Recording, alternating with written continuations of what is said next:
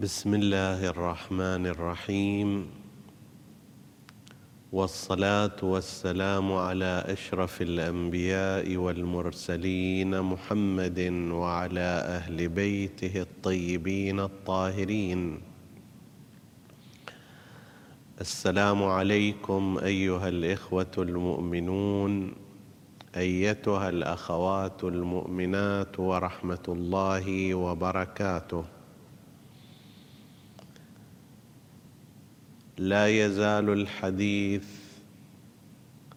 في رحاب دعاء الإمام الحسين عليه السلام في يوم عرفة ووصلنا إلى الفقرة التي يقر فيها الداعي بعجزه عن إحصاء نعمة واحدة من نعم الله عليه. ويستشهد الداعي بكتاب الله عز وجل القائل وإن تعدوا نعمة الله لا تحصوها. لكنه مع ذلك يشهد في أول الأمر بحقيقة إيمانه. وبعزائم يقينه وبخالص توحيده بل وبتفاصيل أعضاء بدنه أنه مقر بنعمة الله عز وجل حامد له شاكر لتلك النعم. فيقول صلوات الله وسلامه عليه في هذا الدعاء وأنا أشهد يا إلهي بحقيقة إيماني وعقد عزمات يقيني وخالص صريح توحيدي. وباطني مكنون ضميري وعلائق مجاري نوري بصري واسارير صفحة جبيني وخرقي مساربي نفسي وخذاريف مارني عرنيني ومسارب سماخ سمعي وما ضمت وأطبقت عليه شفتاي وحركات لفظ لساني ومغرز حنكي فمي وفكي ومنابت أضراسي ومساغي مطعمي ومشربي وحمالتي أم رأسي وبلوغي فارغي حبائلي عنقي وما اشتمل عليه تامور صدري وحمائلي حبلي وتيني ونياط حجابي قلبي وافلاذي حواشي كبدي وما حوته شراسيف أضلاعي وحقاق مفاصلي وقبض عواملي وأطراف اناملي ولحمي ودمي وشعري وبشري وعصبي وقصبي ومخي وعظامي وعروقي وجميع جوارحي ومن تسج على ذلك أيام رضاعي وما اقلت الأرض مني ونومي ويقظتي وسكوني وحركات ركوعي وسجودي ان لو حاولت واجتهدت مدى الاعصار والاحقاب لو عمرتها أن أؤدي شكر واحدة من أنعمك ما استطعت ذلك إلا بمنك الموجب به علي. شكرك ابدا جديدا وثناء طارفا عتيدا. نعم هذا ما يقوله الإمام الحسين عليه أفضل الصلاة والسلام في دعائه. لا أستطيع لا أنا ولا غيري ولو اجتمع معي العادون على أن نؤدي شكر أنعمك.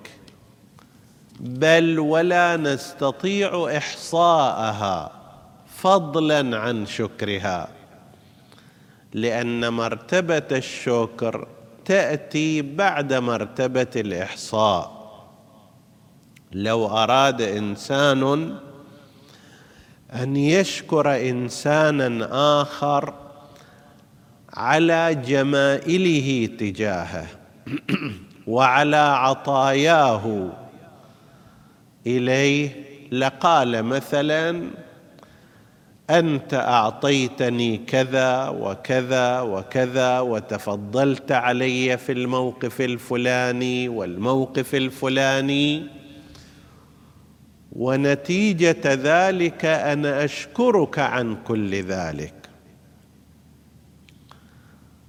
فمرتبه الإحصاء قبل مرتبه الشكر فإن استطاع الإنسان أن يحصي نعمة الله عليه آنئذ يستطيع أن يؤدي تمام شكره وحيث أنه لا سبيل إلى الأول لا يمكن للإنسان أن يحصي نعمة واحدة من نعم الله عز وجل عليه. وسنأتي على القول لماذا؟ لأنه لا يستطيع ذلك فلهذا لا يستطيع أن يؤدي تمام شكر الله عز وجل. نعم يستطيع إعلان عجزه عن شكر الله وهذا شكر لله عز وجل. أنا يا رب عاجز عن شكرك. أنا غير قادر على حمدك ولكن مع ذلك أعترف لك بألوهيتك وربوبيتك وأشكر كل نعمائك وإن كنت غير قادر على إحصائها.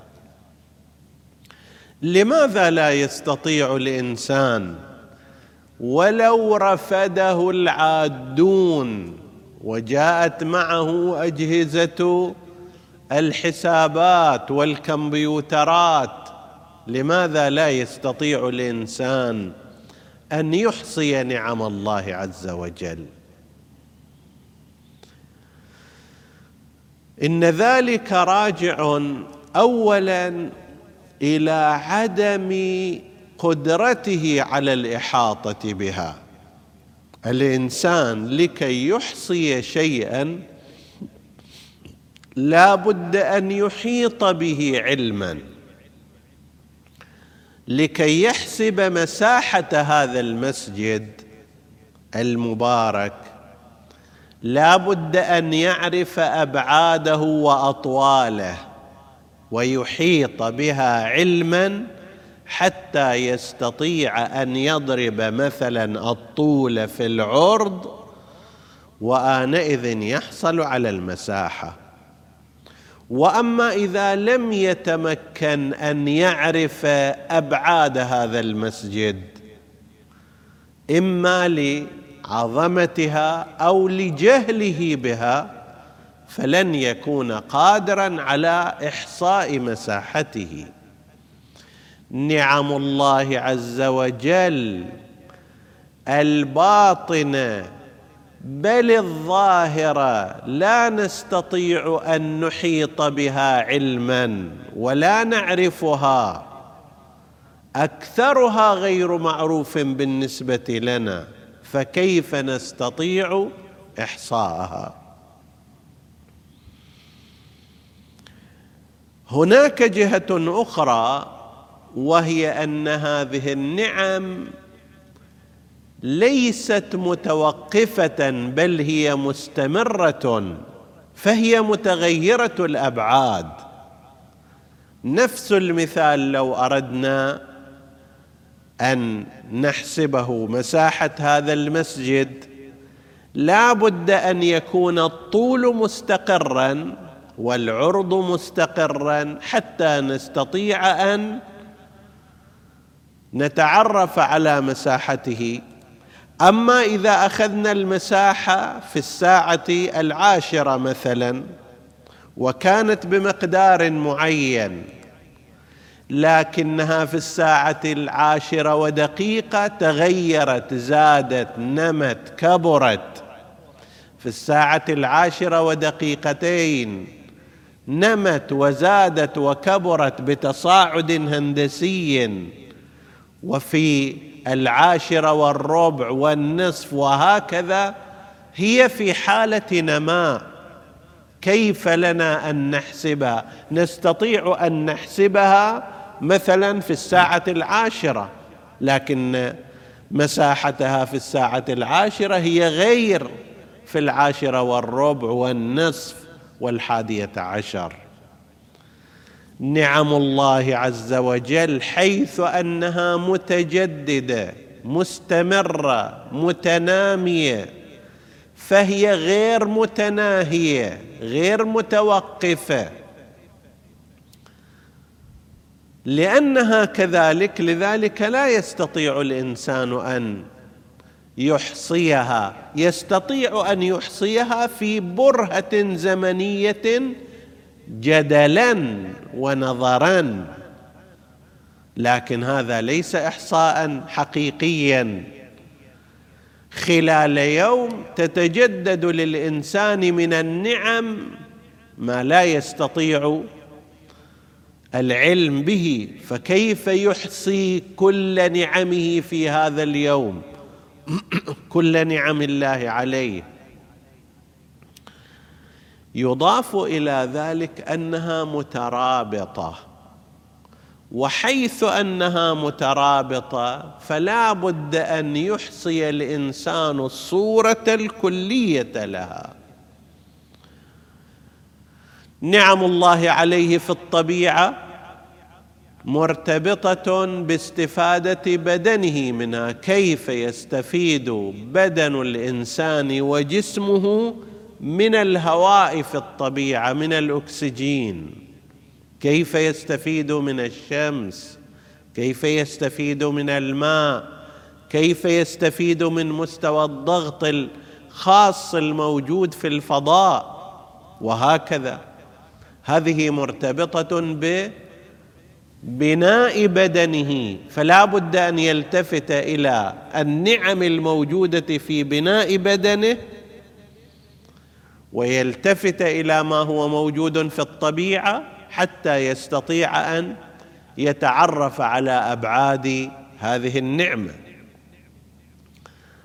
ولأنها مرتبطة بشتى الجهات والأشياء لذلك يعسر على هذا الإنسان إن لم يستحل أمر إحصائها. وآخر الأمور أنها خفية وغير ظاهرة.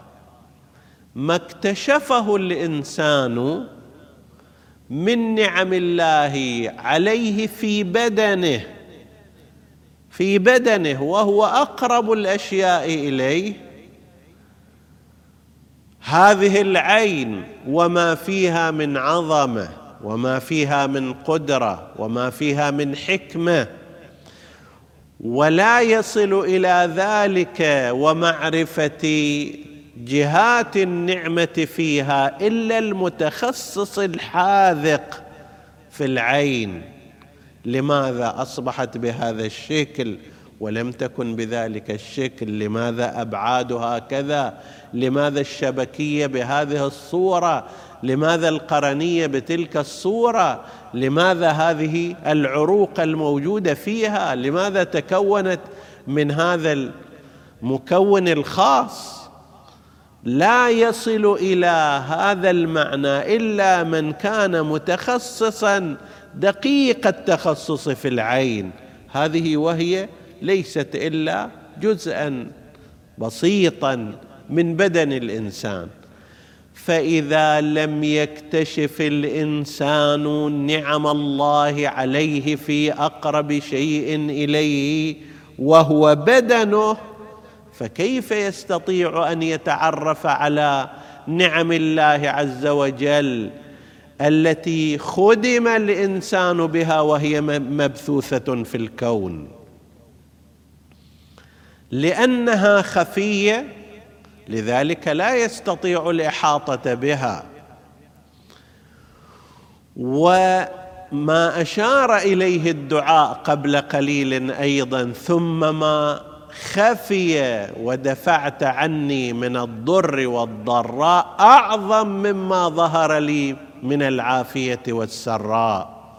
الجانب المجهول في النعم الجانب الخفي الجانب السلبي الذي لم يتبين للإنسان. الأخطار المتوجهة إليه الفيروسات المهاجمة له الميكروبات التي تتحدى صحته. المؤامرات التي تحاك ضده وعلى وهو لا يعلم بها وسيظل لا يعلم بها إلى يوم القيامة. هذه أكثر مما ظهر لي من العافية والسراء. فإذا كانت هي خفية بطبيعة بطبيعتها فكيف للإنسان أن يحصيها؟ طيب إذا كان كذلك فماذا يصنع الإنسان؟ تأتي هذه الفقرة من الدعاء التي قرأناها وفصل فيها الإمام الحسين عليه السلام بعد أن ضمنها في البداية أنه يعتقد بحقيقة الإيمان وعزمات اليقين ثم بعد ذلك ينتقل من جهة النفس والإيمان والقضايا المعنوية إلى جهات تفاصيل البدن. يقول ماذا؟ وأنا أشهد يا إلهي بحقيقة إيماني. الإيمان له مظاهر وله حقائق. مظاهره من الممكن أن تكون العبادات. عبادات الإنسان من مظاهر الإيمان ولكن وتجليات الإيمان ولكن حقيقة الإيمان هي ما استقر في قلب الإنسان وينبغي أن نفرق. هناك من يصلي هناك من يصوم هناك من يدفع الزكاة وهذه كلها مظاهر للإيمان لكن أصل الإيمان هو في داخل القلب. فقد تجد أحيانا أن مظاهر الإيمان لا تتناغم مع حقيقة الإيمان. الذين قاتلوا الحسين عليه السلام وقتلوه في كربلاء. كان الكثير منهم يصلون الكثير منهم يصومون. ولكن هل هذه هي حقيقة الإيمان؟ كلا حقيقة الإيمان لم تكن في داخل قلوبهم وإلا لما اعتدوا على سبط رسول الله صلى الله عليه وآله. الرجل الذي يصلي صلاته ثم لا يرعوي عن عرض جاره ويقتحم أعراض الناس ويغوي هذه الفتاة وتلك حتى تقع معه في الخطيئة. هذه الصلاة التي صلاها هي مظهر ولكن حقيقة الإيمان لو كان موجودا كان يقول لنفسه وقد أغواه الشيطان أن يقول لنفسه معاذ الله لا يرتكب ذلك الفعل لا ينزلق إلى الزنا وإلى العلاقات المحرمة. فحقيقة الإيمان هي ما استقر في القلب وردع صاحب هذا الإيمان عن أن يرتكب الحرام كما نقل عن مولانا رسول الله صلى الله عليه وآله قوله ألا وإن التقوى ها هنا وأشار إلى قلبه. ليست التقوى في صوت جميل تقرأ به القرآن أو الدعاء وليست التقوى في إطالة صلاتك وليست التقوى في قيامك بالمستحب من الصيام.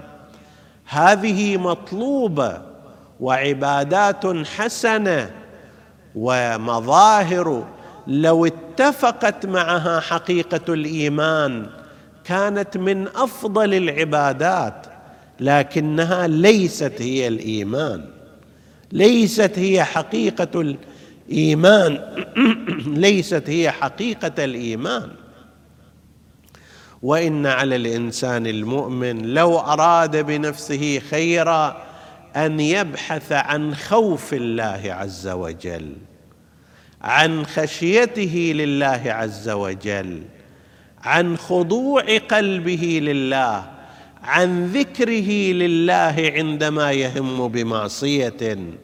هذه هي حقيقة الإيمان. يقول وأنا أشهد يا إلهي بحقيقة إيماني وعقد عزمات يقيني عزائم اليقين التي يعقدها الإنسان على الطاعة فإن مجرد القول من دون عزم لا ينفع شيئا كثيرا. ماذا ينفع الإنسان لو قال أنا مؤمن؟ ماذا ينفع الإنسان لو تلفظ بلسانه الفاظا تدل على ذلك؟ كلا وإنما اليقين وأن يكون فيه عزم معقود. أنا يا ربي أشهد وأنا ملتفت وأنا في حالة استيقان وأنا عاقد للعزم على هذا الكلام. لست غافلا ولست ساهيا ولست هازلا وإنما أنا أشهد بعقد عزمات اليقين وخالص صريح توحيدي. التوحيد الخالص الذي لا يخشى إلا الله عز وجل ولا يرجو إلا الله ولا يتعلق إلا بالله ليس فيه شائبة شرك لشخص أنه يرجو خيره من دون الله. ولا شائبة خوف من طاغية أنه يخشى عقابه وعذابه وإنما خالص التوحيد ولم يخش إلا الله.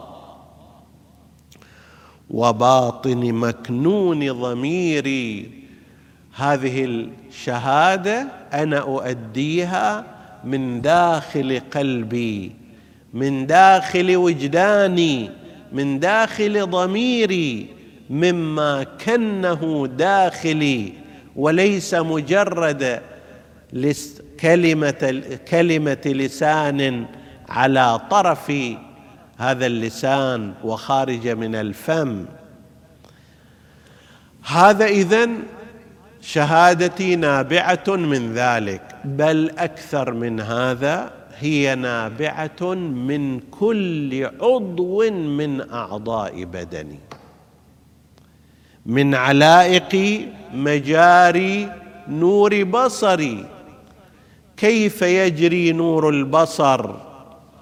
وكيف أرى بواسطته الأشياء؟ هذا أيضا يشهد لي بما سيأتي فيما بعد. من حمدي وثنائي وعجزي عن شكر نعمة من نعم, من نعم الله. والطريف في الأمر أن هذه التفاصيل التي يذكرها الإمام الحسين عليه السلام في هذا الدعاء بتفاصيلها هي أنحاء من نعم الله عز وجل على هذا الإنسان. علائق مجاري نور بصري. هذه نعمة من نعم الله عز وجل. أسارير صفحة جبيني. هذه الخطوط التي هي نحو تعبير فيها وتواصل مع الآخرين. أحيانا يعبر الإنسان بجبينه وما يرتسم عليه من الخطوط متعجبا تارة ومستنكرا أخرى ومرتاحا ومستبشرا ثالثة مع أنها بحسب الظاهر ليست شيئا مهما إلا أن نفس هذه الخطوط أسارير صفحة الجبين هي نحو تخاطب مع الآخرين هي إعراب عن موقف ولذلك أنت قد تنظر إلى وجه شخص إلى صفحة جبينه فترى إن كان غاضبا أو كان حزينا أو كان مستبشرا أو كان مستنكرا. وخرق مسارب نفسي كيف أتنفس؟ من مسارب معينة من الأنف من خروقه المعد بشكل أفضل وأمثل لكي يدخل الهواء ويصفى في هذا الخرق في هذا المسرب في هذا في هذه القناة حتى يصل إلى رئة الإنسان بل رئتيه نقيا نافعا مع أنه يلتقط من الخ... يلتقط من الفضاء ولا يتعرض إلى هذه التصفية. وخرق مسارب نفسي وخذاريف مارن عرنيني. المارن هو طرف الأنف هنا. العرنين هو طرف الأنف هنا. والمارن فوقه بقليل والخذاريف هي عبارة عن التموجات الموجودة في رسمة الأنف كما يرى بعض أهل اللغة.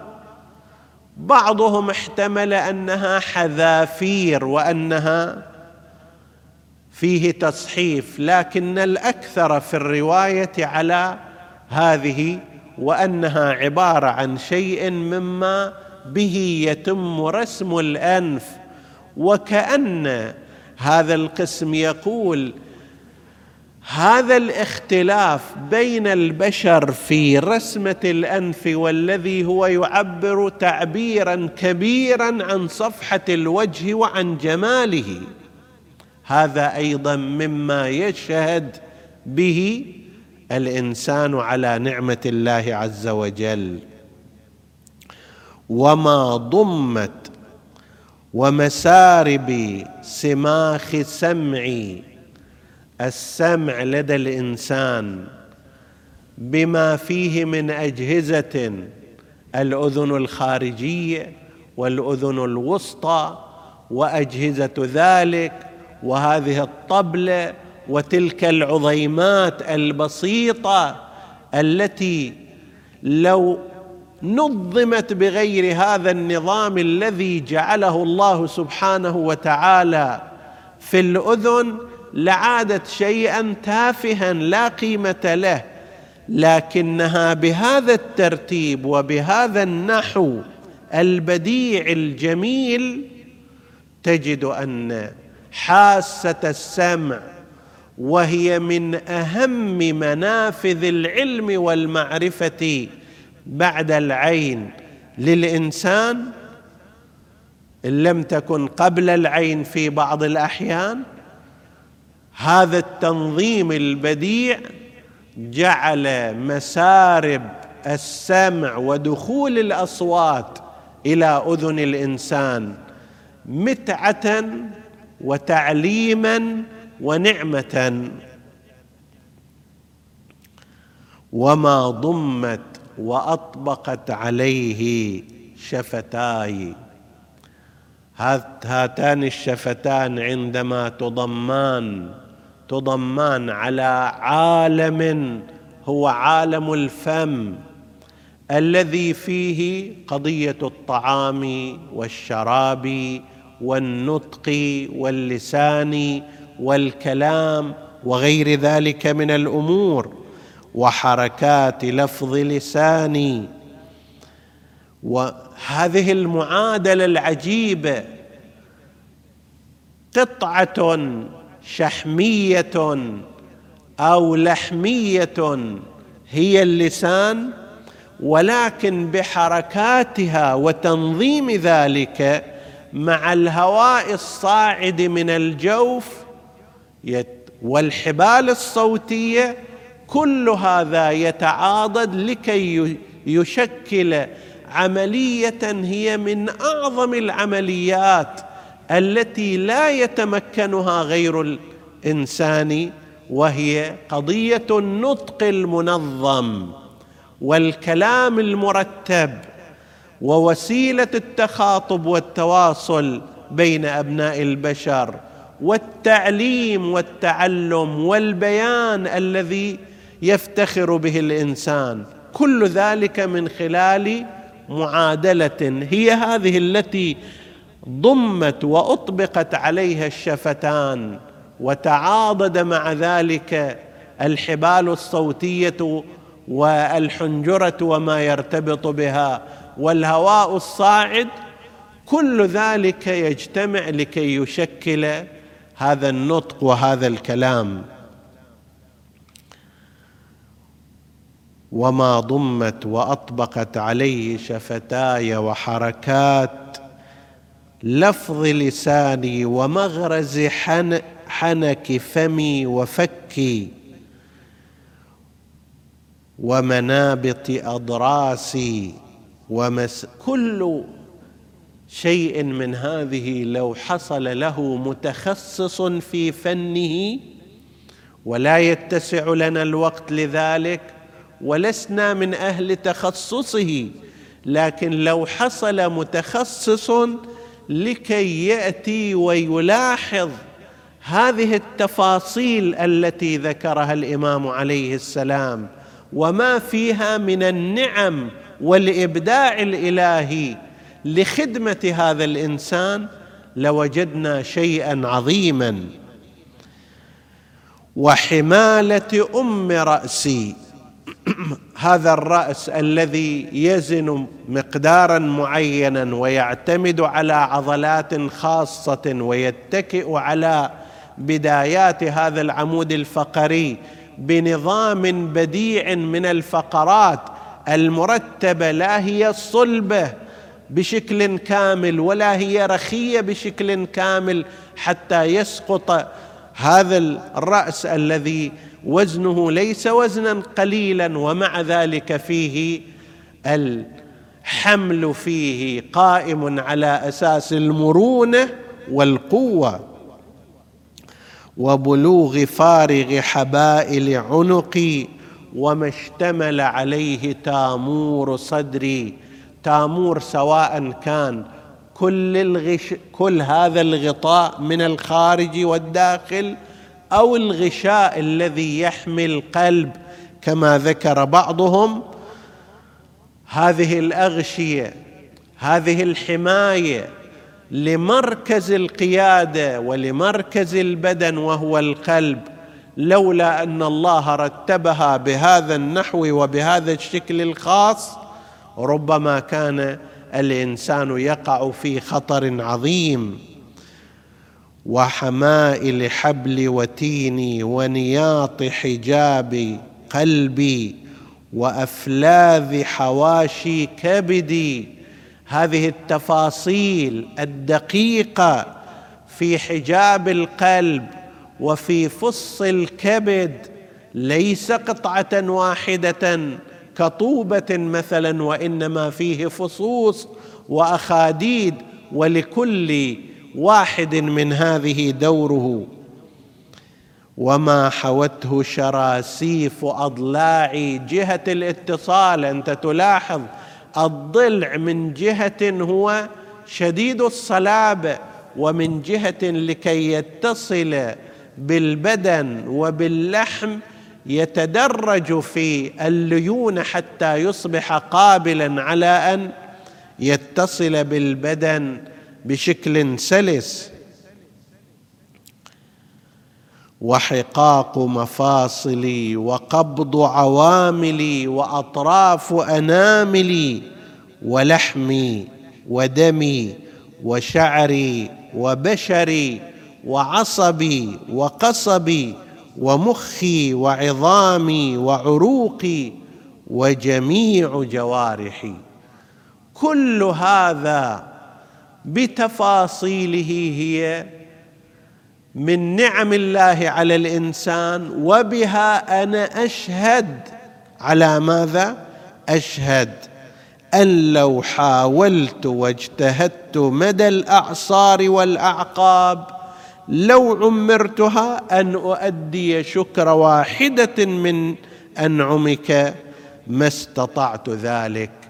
إلا بمنك الموجب به علي شكرك أبدا جديدا. للحديث في هذا أيضا بقية نتطرق إليها إن شاء الله ونحن في رحاب الحمد والشكر على أنعم الله المختلفه بل على نعمه المتعددة في وقت آخر. وصلى الله على سيدنا محمد وآله الطاهرين.